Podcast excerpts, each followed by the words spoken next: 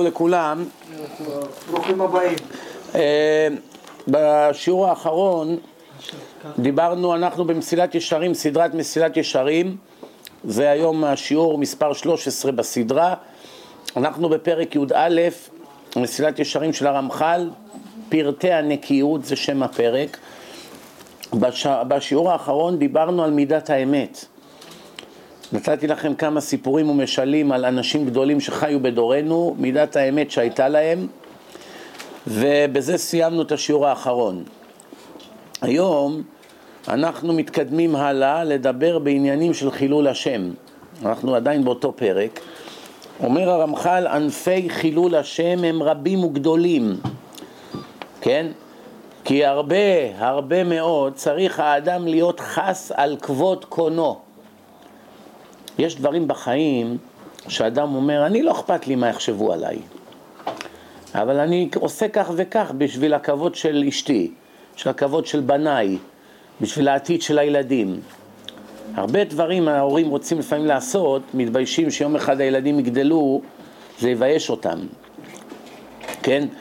לכן, אם בילדים או אבא או בן שרוצה לעשות משהו והוא מתבייש מההורים שזה יפגע להם בשם, אז קל וחומר על אבינו שבשמיים, שצריך כל דבר דבר שעושים לחשוב אלף פעמים איך אני הולך לפגוע בשמו. זה נקרא חילול השם. אני לא יודע אם אמרתי את זה פעם פה, אבל יש בגיהנום שבעה מדורים, והמדור הכי נמוך זה נקרא תחתית הארץ, זה המדור השביעי. כל השישה מדורים העליונים, כל מי שנכנס מתנקה ויוצא אחרי פרק זמן מסוים של ייסורים. המדור השביעי, מי שנכנס לשם אינו יוצא משם לעולם, ככה כתוב.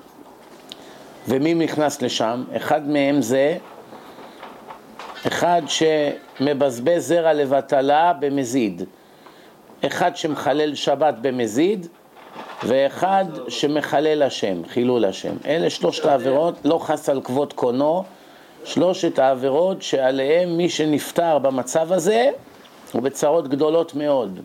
אז כולם יהיו ככה. לא. כולם יהיו שם. לא כולם, יש הרבה שלא מחללים שבת, ויש הרבה שצנועים.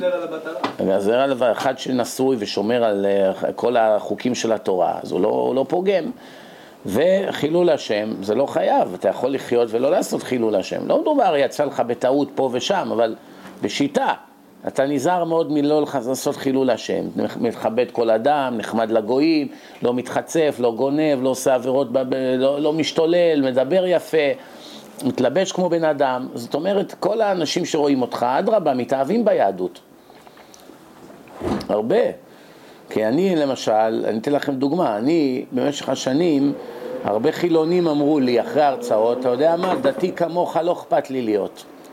למה? כי יש להם ציור בראש של חרדים שהם אנשים כביכול, ממה שהם שומעים בטלוויזיה ובתקשורת, שהם אנשים דוחים, מגעילים, והם סולדים מהם. אפילו שזו תדמית לא נכונה, על כל אחד כזה שיש מגעיל, יש מאה שהם נחמדים וצדיקים, כן? זה הם אותם לא רואים בתקשורת, זה ברור, כן? אבל בכל אופן, יש כזאת תדמית היום, לצערנו. אבל כשהם רואים פתאום אדם שמדבר איתם יפה ומכבד אותם, ומדבר איתם בעניינים שהם מבינים, אז פתאום נהיה להם כן חשק להיות דתיים. זה נקרא קידוש השם. כמובן שאם אתה רוצה לקרב יהודי לתורה, אסור לך לרדת לרמתו. אתה יכול לדבר ברמה שהוא יבין, זה כן, אבל לא תשתה איתו עכשיו וויסקי ותשתכר בבר בגלל שאתה רוצה לקרב אותו לשמירת שבת, זה לא עובד ככה. הרעיון הוא להעלות את הנמוכים לרמה של התורה, לא להוריד את התורה לרמה שלהם כמו שעושים כל מיני טועים למיניהם. אין לנו רשות להתפשר בענייני תורה. לא יכול לבוא ולהגיד לבן אדם, טוב, טוב, תחלל שבת, אבל אה, רק כך וכך וכך. זה לא, אין לנו רשות, אנחנו לא בעל הבתים על התורה, כן? חפץ חיים היה בנסיעה והוא הגיע לבית מלון לשהות שם, והיה שם איזה חילוני אחד שנראה כמו גוי, והוא דיבר עם החפץ חיים, הוא ראה רב חשוב, והוא לא ידע בכלל שהוא יהודי. אחר כך התברר שהוא יהודי, והוא היה תכשיטן שמוכר תכשיטים בת... בכל מיני תערוכות. חפץ חיים דיבר איתו, הסביר לו מה זה שבת, והוא קיבל על עצמו שמירת שבת. אבל הוא היה בדרך לשואו, הוא היה בדרך לתערוכה, למכור את הסחורה. אז החפץ חיים אמר לו, מחר שבת, מחר יום שישי בערב, כניסת שבת.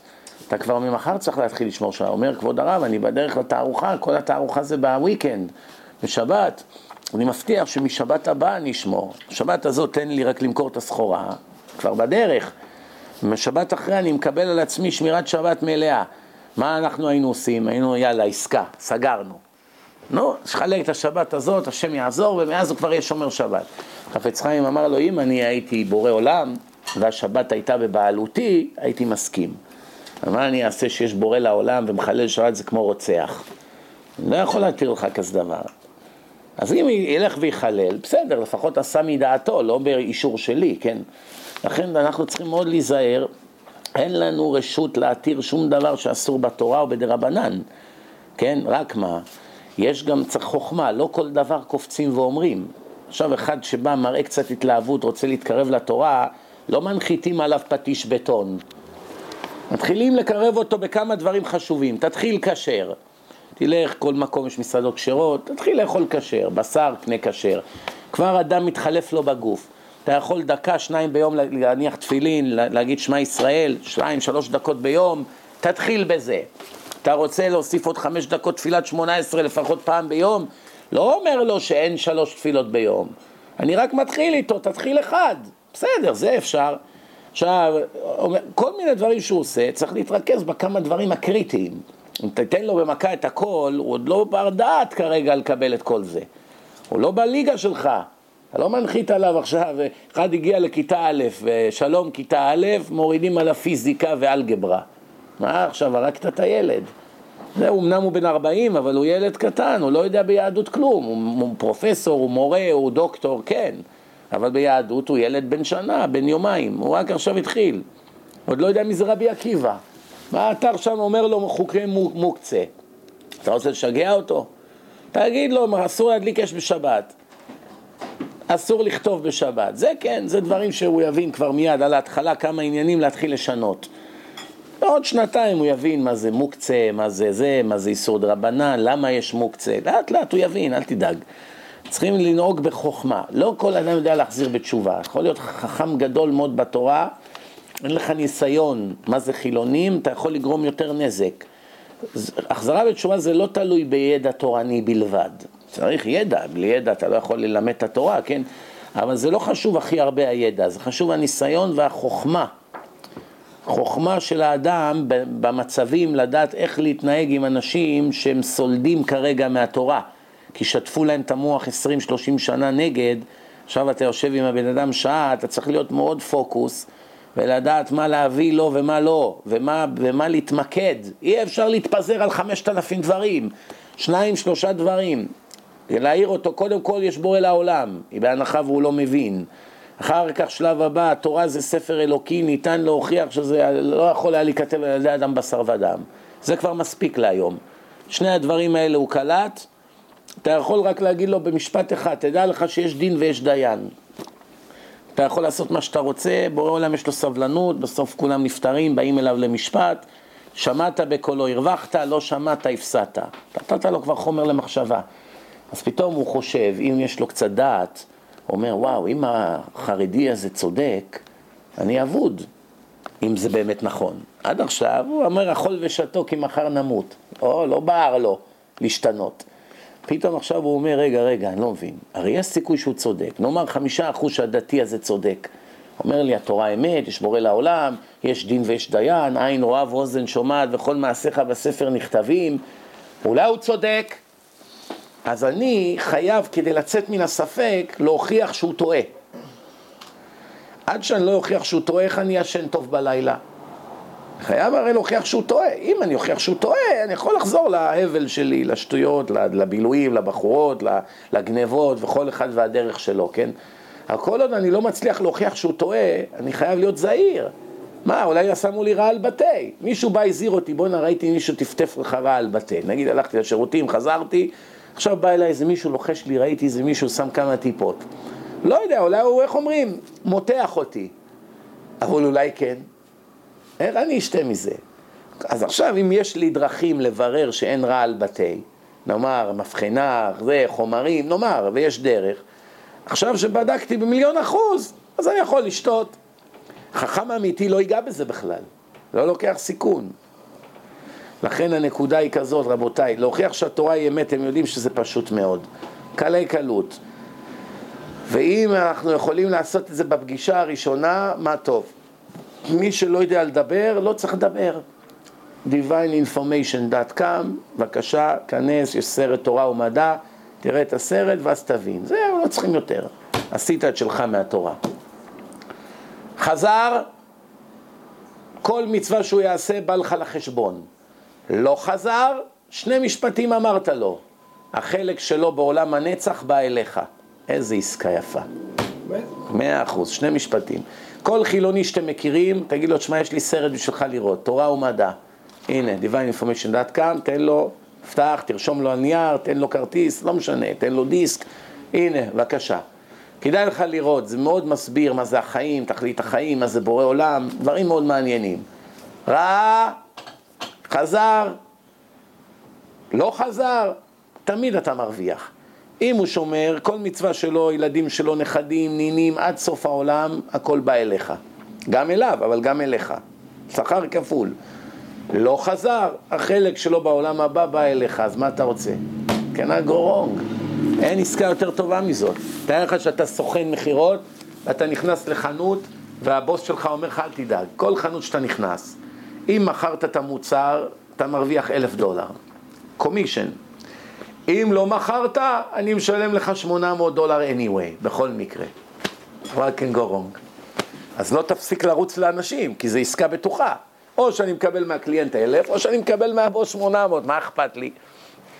נכון כדאי?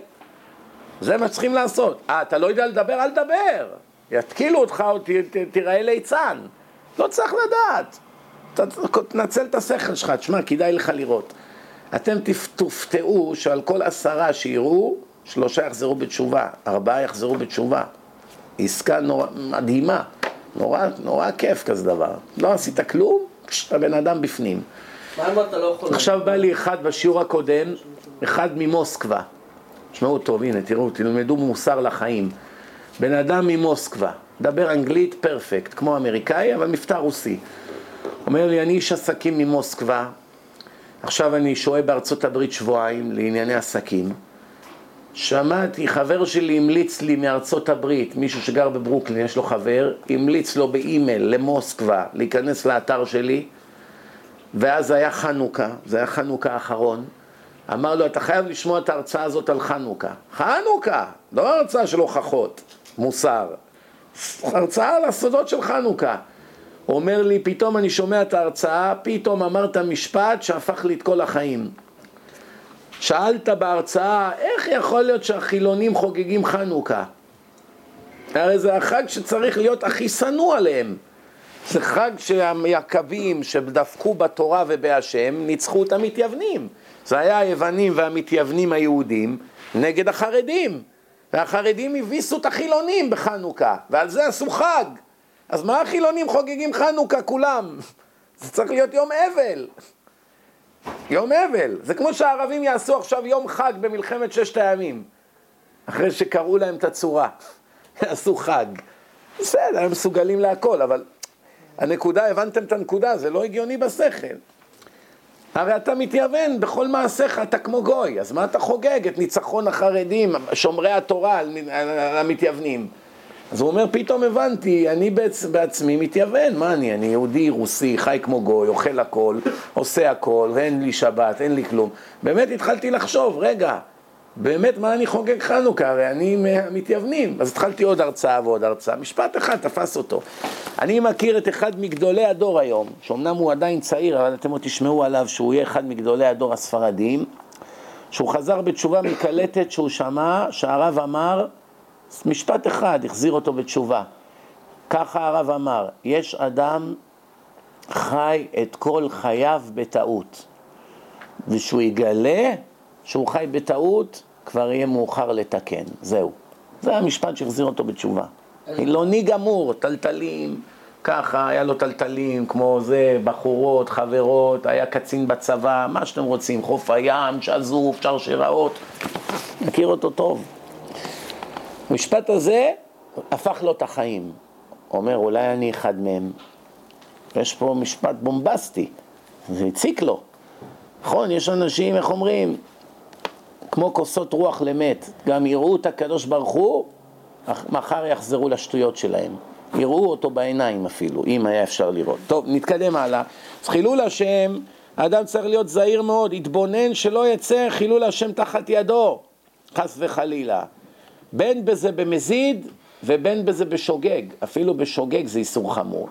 שאר הדברים בתורה, אם זה בשוגג, זה לא כל כך נורא, לעומת המזיד. למשל, מחלל שבת במזיד, זה הוצאה להורג בסקילה ואין לו חלק לעולם הבא.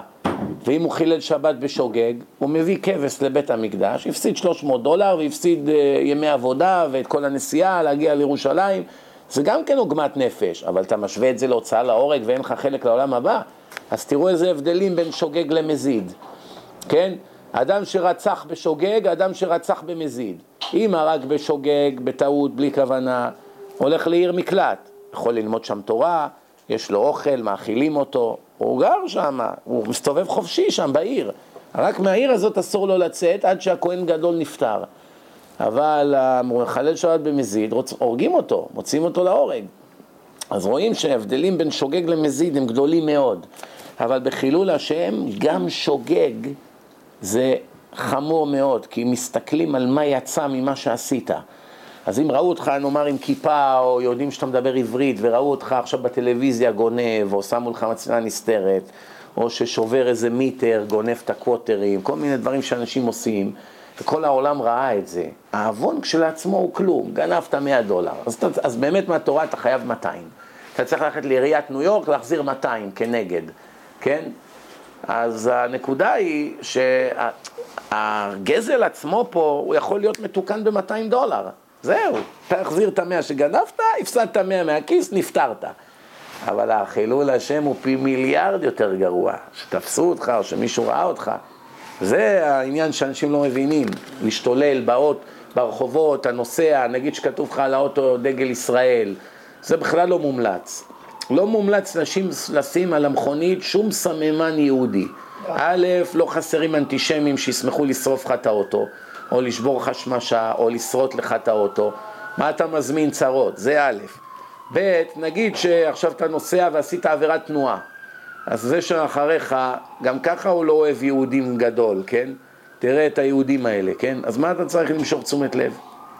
אני אפילו ספרי, ספרי קודש, או את הכובע שלי, כובע של התפילה, כובע שחור, אני לא שם באוטו שיראו, אני שם את זה במקום שלא יראו.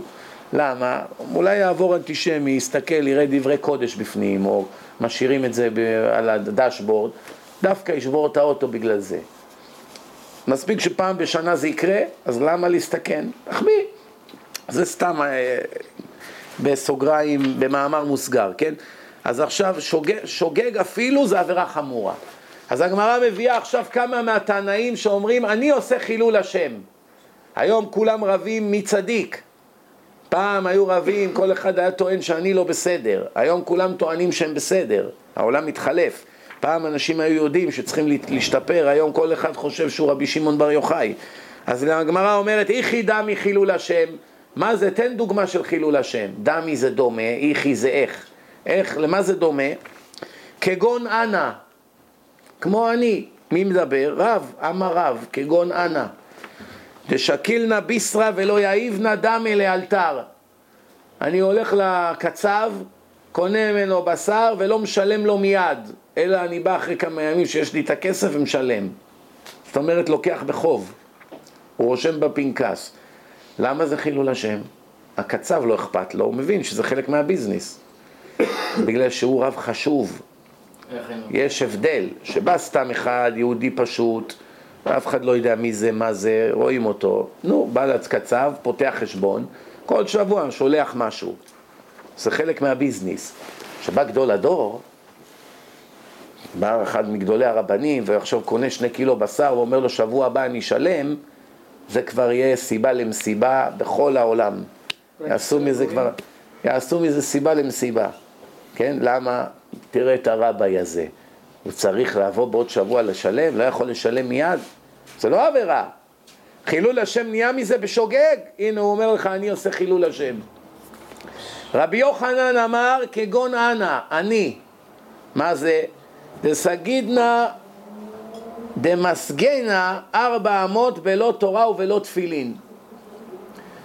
אני לפעמים הולך ארבעה צעדים ברחוב בלי תפילין ובלי להרהר בדברי תורה.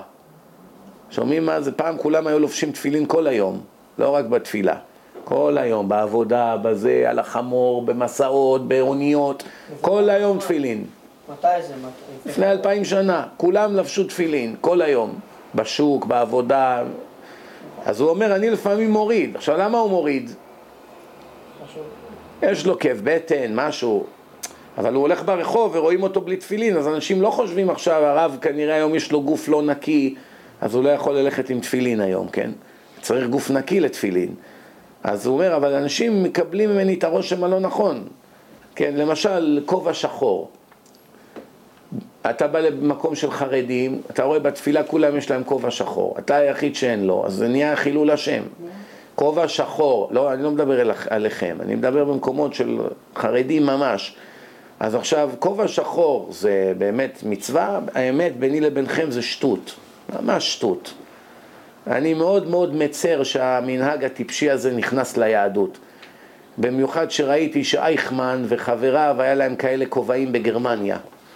זה ודאי מנהג הגויים, אבל היום זה כבר נהיה מנהג יהודי אשכנזי למהדרין. זהו, כולם שמים את זה. כל אחד שבא לבית מדרש ומתפלל בלי כובע שחור, ישר מסתכלים עליו, אה, זה לא רציני זה. זה נהיה המנהג. עכשיו, האם זה מנהג חשוב? אכפת לקדוש ברוך הוא שיש לך כובע שחור? אני מבטיח לכם שלא, לא אכפת לו מהשטויות האלו. צריך כיסוי ראש, יש לך כיסוי ראש, מספיק. אבל אנשים אומרים שזה בושה, זה חילול השם, ואז יוצא שאתה כנציג, בתור רב או בתור תלמיד חכם או בתור סתם יהודי חרדי, שאתה נציג של הקדוש ברוך הוא בעולם, ואנשים למדים ממך שאפשר לזלזל, אפילו שזה באמת לא זלזול, שום דבר לא עשית. אבל ככה אנשים מבינים, זה חילול השם. הבנתם עד איפה הולך חילול השם? עד איפה הולך חילול השם? צריך להיזהר, זה, אתה מייצג את הקדוש ברוך הוא, זה לא צחוק. כן? אדם עכשיו מתעצבן, דופק על השולחן. אז מה, איזה חילוני אומר, מה זה, איזה רב מותר לו להיות עצבני? הולך, מספר לאשתו, היא מספרת לאחותה, פתאום בא איזה שכן, כבר חמישים איש יודעים מזה, שהוא הרב ההוא עצבני. אז מה הוא, הוא דורש על כעס והוא דופק על השולחן? כל מיני דברים כאלה קטנים, שאף אחד לא, לא שם לב לזה, כן? שמה, כמה יכול לצאת מזה חילול השם, כן? אה, אז אומר ככה, אומר, כי כבוד התורה הוא, זה לא עכשיו רק הכבוד שלך, זה כבוד התורה.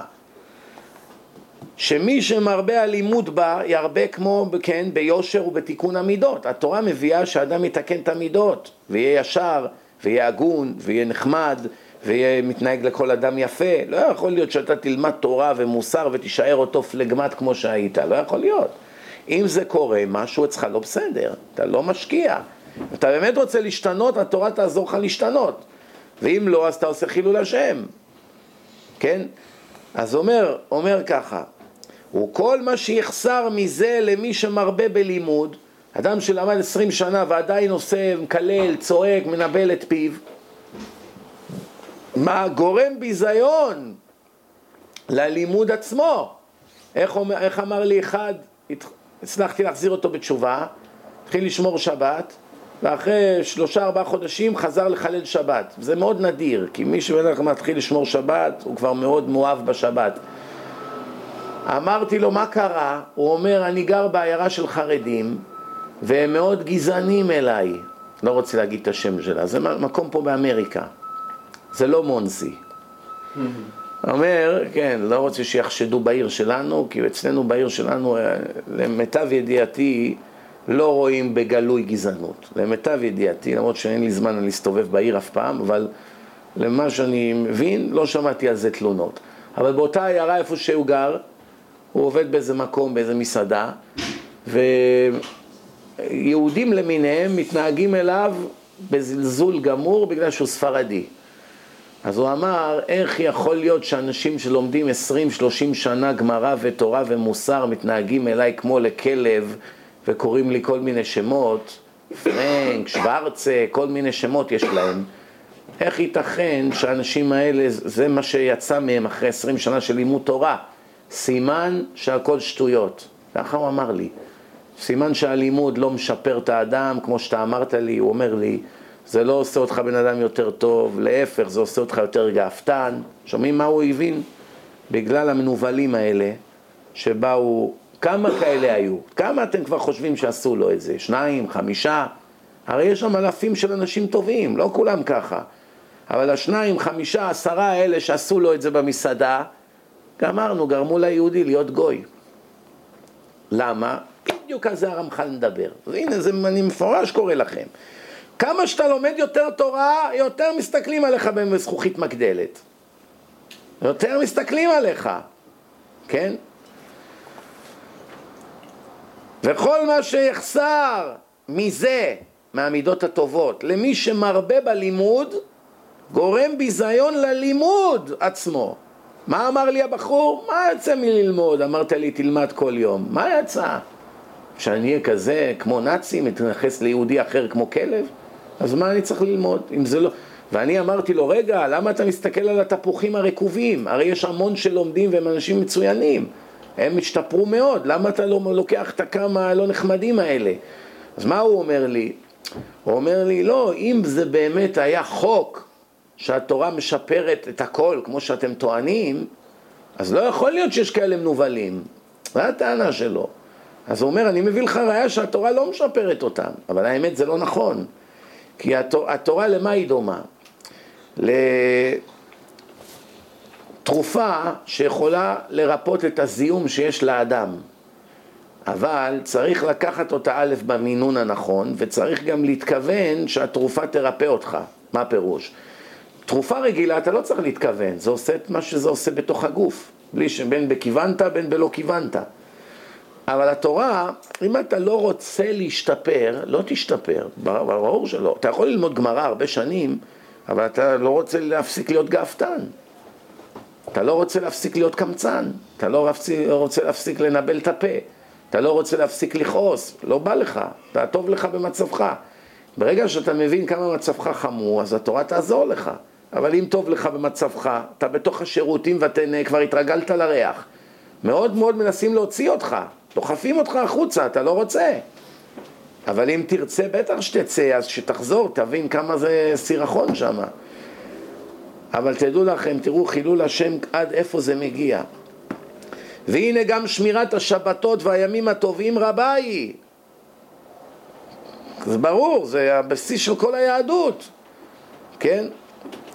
לעולם אל תהי שבות קלה בעיניך, וגם גזרות חז"ל, דה רבנן, שלא תזלזל בהם חס וחלילה, יש בהם הרבה חוכמה וסודות. שערי שמיכה שבותי, ונחלקו בה גדולי הדורות. הוא מביא כל מיני דוגמאות, לא רוצה עכשיו לבלבל אתכם. אבל, אבל למה, למה הרמח"ל שואף להגיע? אומר, ומה שקשה על ההמון שמירתו, שביתה מן העסק, קשה לו לסגור את העסק בשבת, לא לדבר על ביזנס בשבת, כן? מה שנאמר בנביא, כן? כל הדברים האלה, שומעים?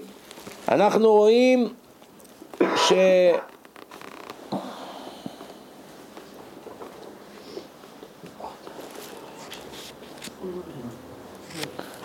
אנחנו רואים ככה, והנה עד הנה דיברתי מן קצת המצוות, שמעו טוב, מה שאנו רואים שבני אדם נכשלים בהם על הרוב, ומאלה נלמד לכל שאר הלאווים בתורה, שאין לך איסור שאין לו ענפים ופרטים, כל איסור יש לו ענפים ועלים ופרטים שיוצאים ממנו. חלק מהם חמורים יותר, חלק חמורים פחות, ומי שרוצה להיות נקי צריך שיהיה נקי מכולם, לא רק מהענף, מכל מה שמתלווה ויוצא ממנו. כן? וצריך שיהיה טהור מכולם, כן? וגם לעשות את הכל בסדר הנכון ובמידה הנכונה, כן? ו...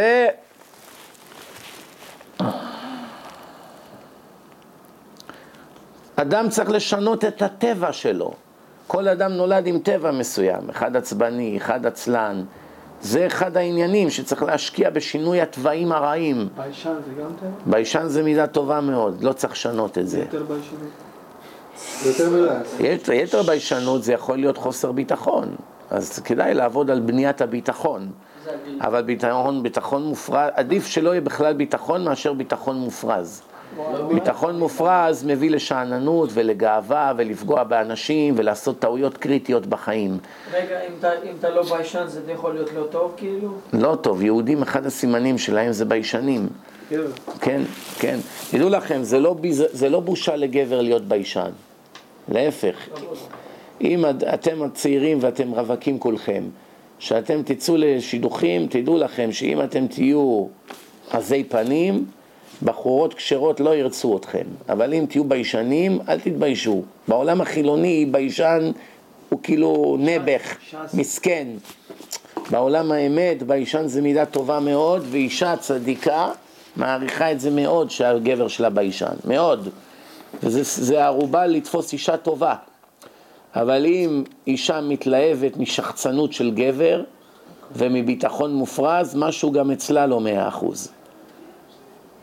אל תעשו רוחו, רוח. איך אומרים בארץ? אל תהיה אבו עלי. שלוש שעות נותן דרשה על עצמו. הייתה לי איזו בחורה מאוד מוצלחת, באמת. מאוד מאוד חכמה, יפה, הכל, צדיקה כמובן, והיא יצאה עם איזה בחור ישיבה, ומצא חן... אוי לנו. ו... והבחורה הזאת היא, מאוד מאוד, זאת אומרת מי שיזכה בה זכה באמת, צדיקה רצינית, והיא יצאה עם איזה בחור ישיבה, ובסוף היא ביטלה את זה בגלל השחצנות שלו, או שהוא דיבר על עצמו. אמרה לי, זה לא... כל הזמן הכל סביבו, ראש ישיבה אוהב אותי הכי הרבה, זה, הוא נתן לי את התפקיד, הוא אמר לי, אמר לי ככה, עשה לי, אז היא הבינה שכל החיים שלו זה סביב עצמו. להפך, אם הוא היה קצת יותר ענב, מדבר פחות, אז הוא היה לו עכשיו אישה אשת חיל עם כל המעלות, תראו כמה הוא הפסיד, עכשיו הוא עוד לא יודע שהוא הפסיד אותה בגלל זה. אני אמרתי לה, את צריכה להגיד לו שעזבת אותו בשביל זה. על דבר שיש לאדם פגם מלידה, אסור לפגוע בו.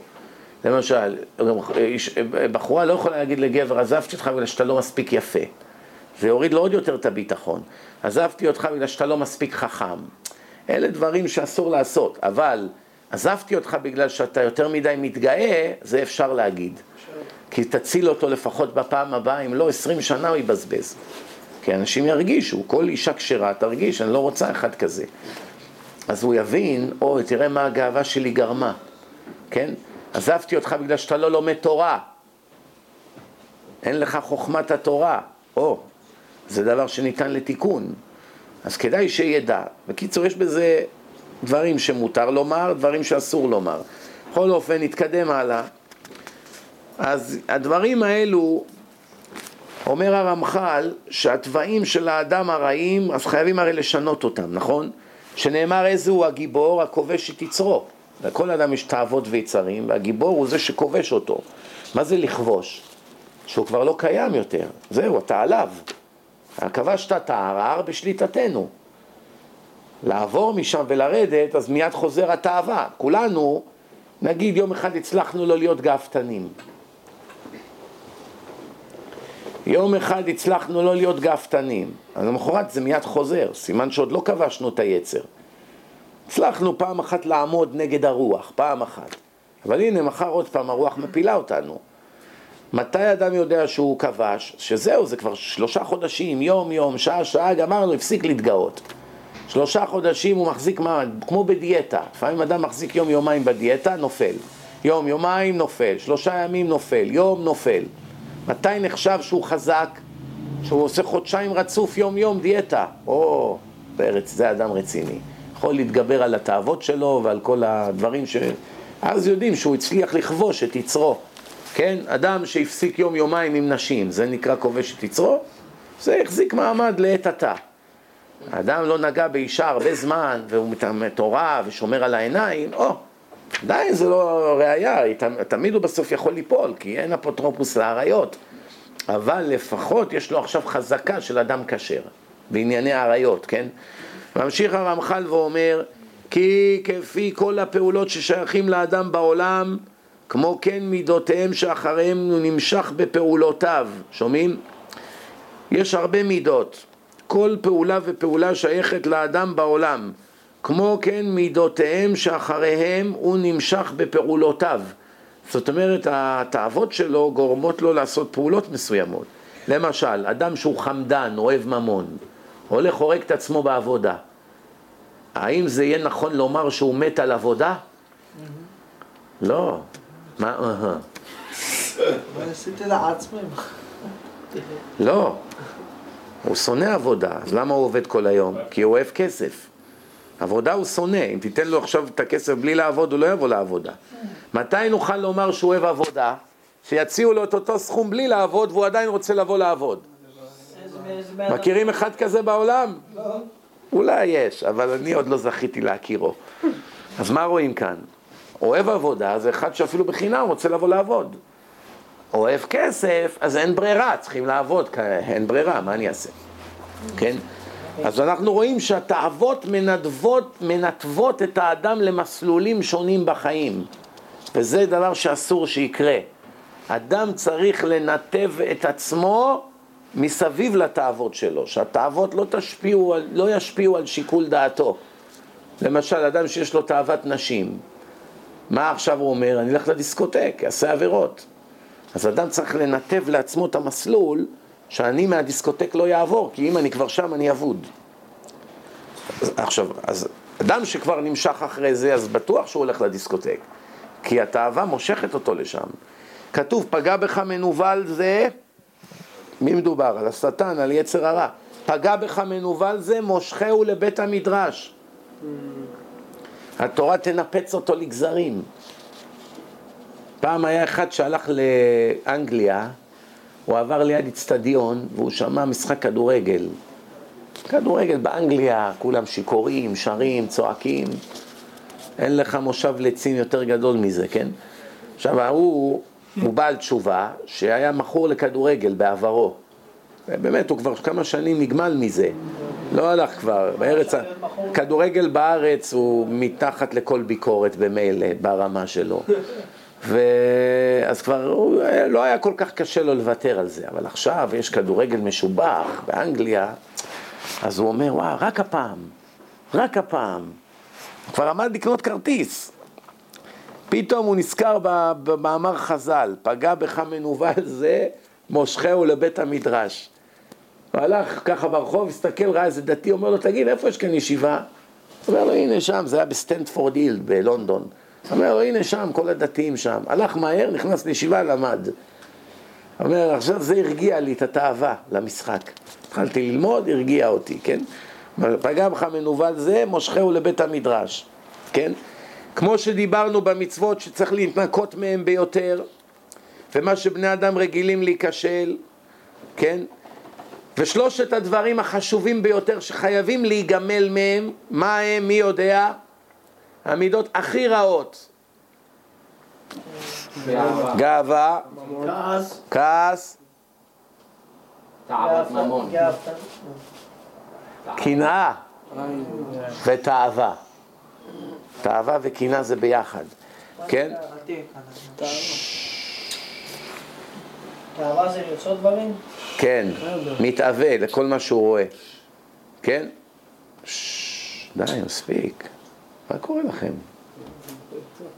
הלאה. ואז הוא אומר ככה, אומר ככה, תראו, זה כולם יודעים, שגאוותן הוא שרוח בעיני הכל, אף אחד לא סובל אותו. קנאים, אף אחד לא סובל אותם. גם אם אדם קנאי רואה קנאי אחר, הוא לא סובל אותו. עצבני שרואה עצבני אחר, הוא לא סובל אותו. זה עד כדי כך מגונה, שאפילו המגונים מגנים את המגונים האחרים. כולם שונאים את כולם כשיש לך את הדבר הזה. יש דברים שאם אדם הוא מתוקן ומישהו מקולקל, אז המתוקן בז למקולקל. אבל כאן אפילו המקולקל בז למקולקל. בקנאה, תאווה וכבוד ודברים כאלו, אף אחד לא סובל אף אחד, אם יש לך את זה, כן? אפילו אשתך והילדים שלך לא סובלים אותך אם אתה גאוותן, או אם אתה קנאי, או אם אתה כאלה דברים, כן? אז הוא אומר ככה, כולם, חוץ משורת השכל והחוכמה, וכל אחת כדאי לעצמה להביא את האדם על עבירות חמורות. כל אחד מהשורשים האלה, למשל גאווה. אתם יודעים כמה עבירות מהתורה אדם עושה רק בגלל המידה הזאת? הוא גונב בגלל שהוא רוצה להתגאות ואין לו כסף, אז הוא רוצה בגדים, אז הוא גונב, לוקח ולא משלם. למה?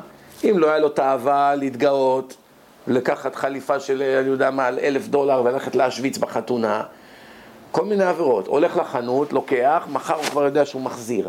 הוא לא יכול להרשות לעצמו עכשיו חליפה כזאת.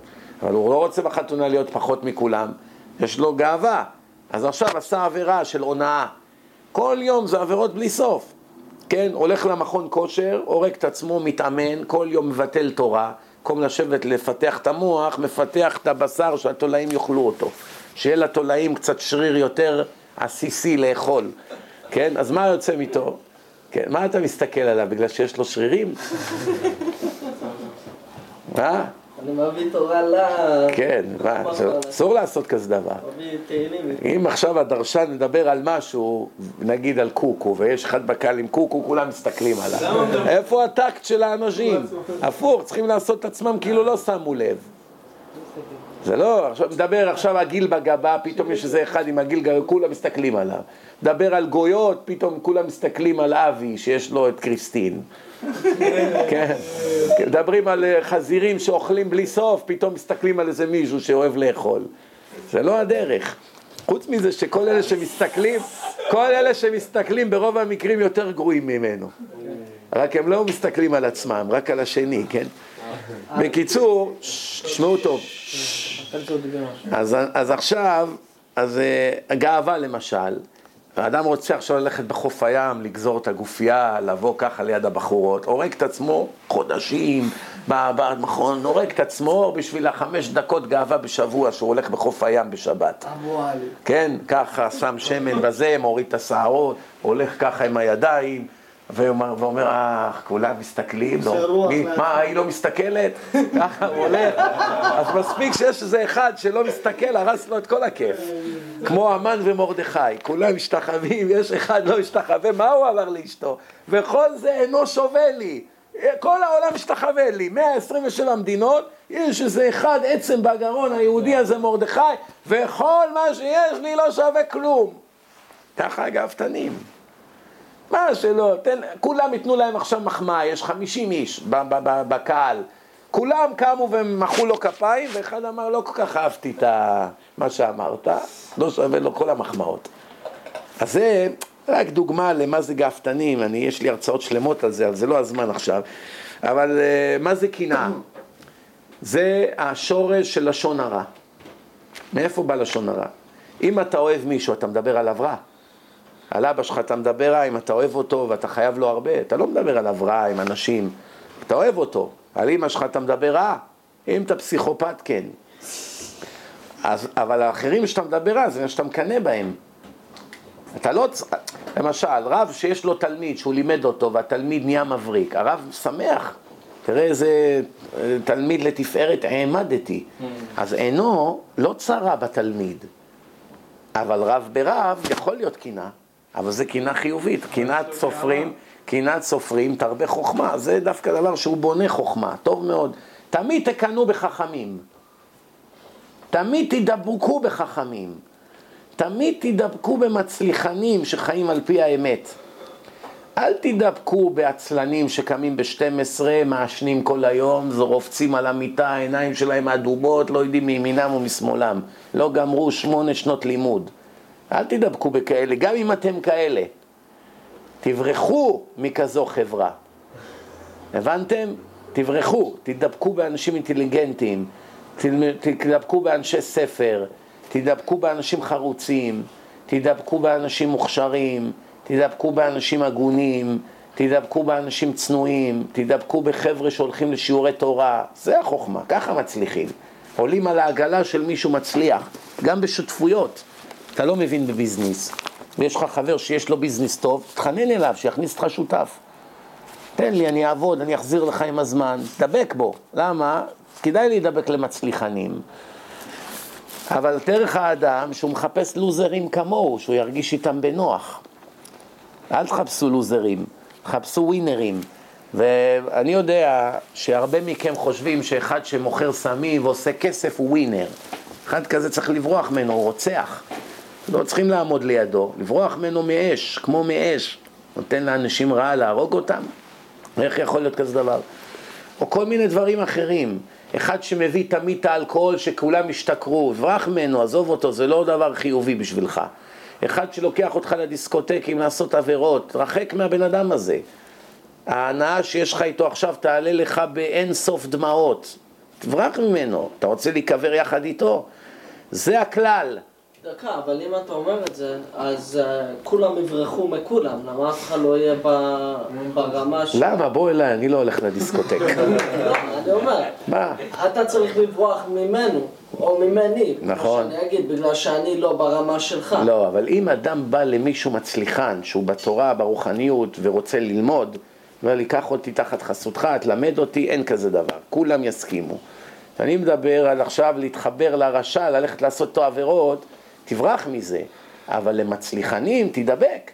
ואדרבה, אחד שרואה שבא אליו מישהו שהוא הרבה פחות ברמה ורוצה ללמוד, אני מוכן לעשות לך ניסיון. איך שאתה ככה עם השרירים, עם הגופייה וזה, כנס לכל בית כנסת. כל ישיבה שאתה מכיר, תגיד לאחד מהדתיים שם, אני רוצה ללמוד תורה, אני רוצה להתקדם. תראה איך יקפצו מי ילמד אותך. או בוא, הנה בוא אתה, הרב ימנה לך מישהו. ככה אני עשיתי. הלכתי, גרתי במנהטן, נסעתי למקדש מלך בברוקלין. פתאום אני רואה שלט, לא ידעתי את המקום הזה. אני רואה ישיבת מקדש מלך באושן פארקווי. חניתי את האוטו, נכנסתי בפנים, מעלה לומדים גמרא. אמרתי שם, מי האחראי פה? הסתכלו עליי כולם, לא מכירים מי זה. אמרו לי, זה הרבי שטראוס. אמרתי להם, בבקשה, באתי אליו, אמרתי לו, אני רוצה ללמוד עם מישהו, אפשר? בטח. מהר תפס איזה אחד, הושיב אותו, התחיל ללמוד איתי. שלוש, ארבע שנים, אותו אחד התחתן עם איזה אחת ממונסי, ונפגשתי איתו בשבת. אתה זוכר אותי? כבר מאז הוא עבר הרבה. אבל אין כזה דבר, כולם, יותר ממה שהעגל רוצה לינוק, הפרה רוצה להעניק. זה הכלל. הבנת?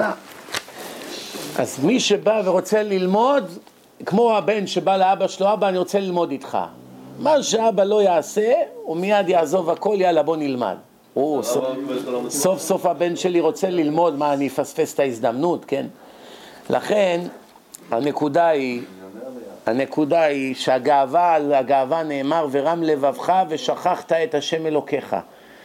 מרוב שאתה עסוק בעולמי, בענייני העולם הזה, רם לבבך, נהיית גאה ושכחת את השם אלוקיך. ומה הכעס? מה כתוב על כעס? כל הכועס יהיה בעיניך כאילו עובד עבודה זרה. למה משווים כועס לעובד אלילים? שניהם לא מאמינים בהשם. עובד אלילים מאמין באליל, ואחד שכועס על אחרים שעצבנו אותו, גם לא מאמין שהשם זימן לו את הניסיון הזה. אם היה יודע שזה השם, הוא לא היה כועס על האדם. מי שכועס דומה לכלב. מה הכלב שמכים אותו עם מקל? את מי הכלב מנסה לתקוף? את המקל. למה הוא לא תוקף את זה שמכה אותו? גם אם תזרוק את המקל רחוק, הכלב רץ, נובח, נושך את המקל, נלחם איתו עד מחר. טיפש, זה אני מכה אותך, לא המקל. אז אדם שכועס על מישהו שהכעיס אותו, או שצייר אותו וכולי, זה בגלל שהוא לא מבין שהשם שלח לו את זה. מה שלא מגיע לך לא היה מגיע לך. נכון שאותו אדם בחר לעשות רע והוא יענש על זה, ברור. אבל אתה היית מקבל את הצער הזה one way or the other, בכל מקרה. הצער הגיע לך. זה שהוא צייר אותך הוא מסכן, מגלגלים חובה לידי חייו. אז הוא בחר לעשות עבירה, השתמשו בו כדי לעשות מעשה רע, כדי להעניש יהודי. זה כמו הגולגולת של פרעה, שיש סיפור על זה ש... יש בפרקי אבות לא גולגולת של פרעה, ראו גולגולת בים, אז הלל אמר, הגולגולת הזאת, זה, שה, זה, זה שהרג אותה, עוד הוא בעצמו יהיה גולגולת, והגולגולת הזאת הרגה מישהו, עשתה מישהו אחר גולגולת. הבנת מה קורה פה? זה הכל מידה כנגד מידה. טוב, נתקדם הלאה, אני רוצה לגמור את הפרק הזה היום. אז, ה... אז הרמח"ל ממשיך, אז כעס, ברור שזה קנאה, התאווה והכבוד מוציאים את האדם מן העולם. אדם שכל הזמן רודף כבוד, אחד בא אל הרב, אומר לו, כבוד הרב, אני כבר אה, בורח מהכבוד שלוש שנים, ואני לא רואה שהכבוד רודף אחריי. לא אמרתם בתורה שכל הרודף מהכבוד, הכבוד רודף אחריו? אמר לו הרב, בטח, אתה יודע איך אתה רץ אחרי הכבוד, אתה יודע איך אתה בורח מהכבוד? אתה בורח מהכבוד, וכל שתי דקות מסתובב אחורה לראות אם הכבוד אחריך רץ. בגלל זה הכבוד לא בא. כי אתה רק משחק אותה רץ מהכבוד, בורח. אבל כל שנייה, נו, איפה אתה, כבוד? איפה אתה?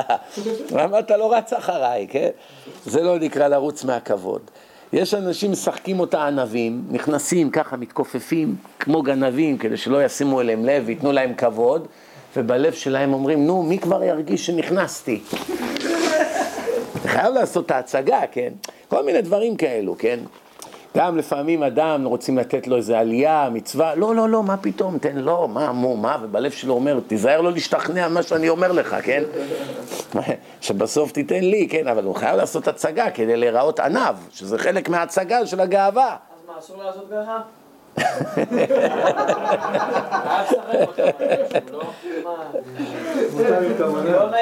לא אדם יגיד, אני רוצה, תגיד לא, לא, לא. לא, לא, זה שחייבים להיות מנומסים ולא לקפוץ, בטח, בטח, לי מגיע. כן. בטח שלא. אז אומרים, לא, בבקשה, תן למישהו אחר, תודה, תודה, לא, זה, כן. אבל לא לחשוב בלב, נו, נו, מה, השתגעת? אני לא באמת מתכוון לזה. זהר שלא תיתן למישהו. כן, מה פתאום, אני, לי, לי הכסף ולי הכבוד. הלאה, נתקדם הלאה.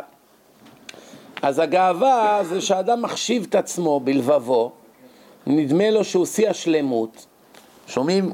הוא בעל השכל, הוא נאה, הוא נכבד, הוא חכם, כל הדברים הטובים שבעולם יש בו. ברגע שהוא חושב ככה, מיד נופל לבאר שחת. כן? מגיע לי כבוד ותהילה, כן?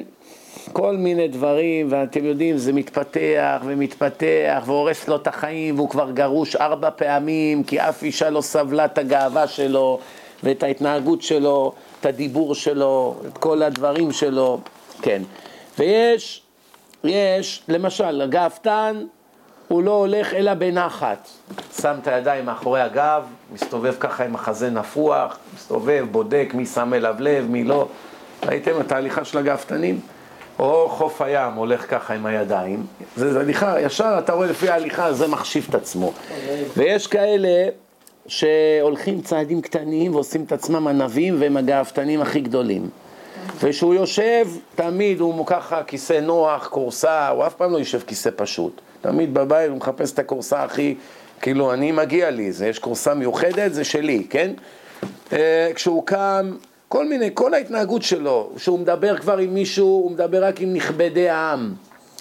לא מדבר עם אנשים פשוטים, מדבר בבקשה עם המזכירה שלי, תקבע תור. לא עכשיו מדבר עם מישהו, כן? מה פתאום, מה אני אדבר איתו? דבר עם הנהג בבקשה, תשלח לי אימייל, הנהג יסביר, הנהג יסביר לך את הפרטי. אין לו עכשיו מה, שזה מבלבל לי את הזמן, כן?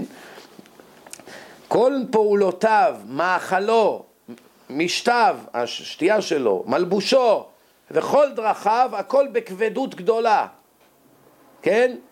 והוא ראוי לתהילה ולכל המעלות, וכל מי שלא יכבד אותו מרגיז אותו מאוד. ויחשוב שהוא כל כך גדול, שכבר נמאס לו אפילו לקבל כבוד, הוא כבר מגיע למדרגה חדשה. אה, מה זה הכבוד הזה? זה אף פעם הרי לא יהיה מספיק מה שמגיע לי, ככה הוא חושב, כן? ויפריז על מידותיו להראות שפלות גדולה וענווה. הוא יגיע פתאום למדרגה שעכשיו הוא נהיה, איך אומרים, פרוש מן העולם. הוא כבר איזה בבא מקובל, שם איזה מסכה על העיניים, יש לו איזה שמש, מחזיק לו את היד ואת הספרים, לוקחים אותו למקום ועושה את עצמו מסכן כזה, ויש כאלה כבר מתחילים להסתובב יחפים, שיגידו שזה קדוש מעונה. כל זה זה בשורש שלו מהגאווה, או שהוא עכשיו, עד עכשיו מתפלל חמש דקות, פתאום מתפלל שעה עכשיו. סתם, חושב על הכדורגל, החברה שלו. עושה הצגות בבית הכנסת שיגידו שהוא קדוש. מה אתה עכשיו מבזבז לכולם את הזמן? והכי גרוע זה שלפעמים הוא עשירי במניין, כולם עומדים וממתינים כי אין, אין עשירי. הוא מושך את כולם חצי שעה. מקום שצריכים מהר תקצר, מה אתה מענה את כולם? אנשים רוצים לגמור ללכת הביתה. לא, אדרבה, איך, מתי ישימו אליי לב? כשהם תלויים בי. עכשיו יראו איזה צדיק אני, שאפילו תחת לחץ אני מתפלל ארוך. הבנתם? איי איי איי. כן?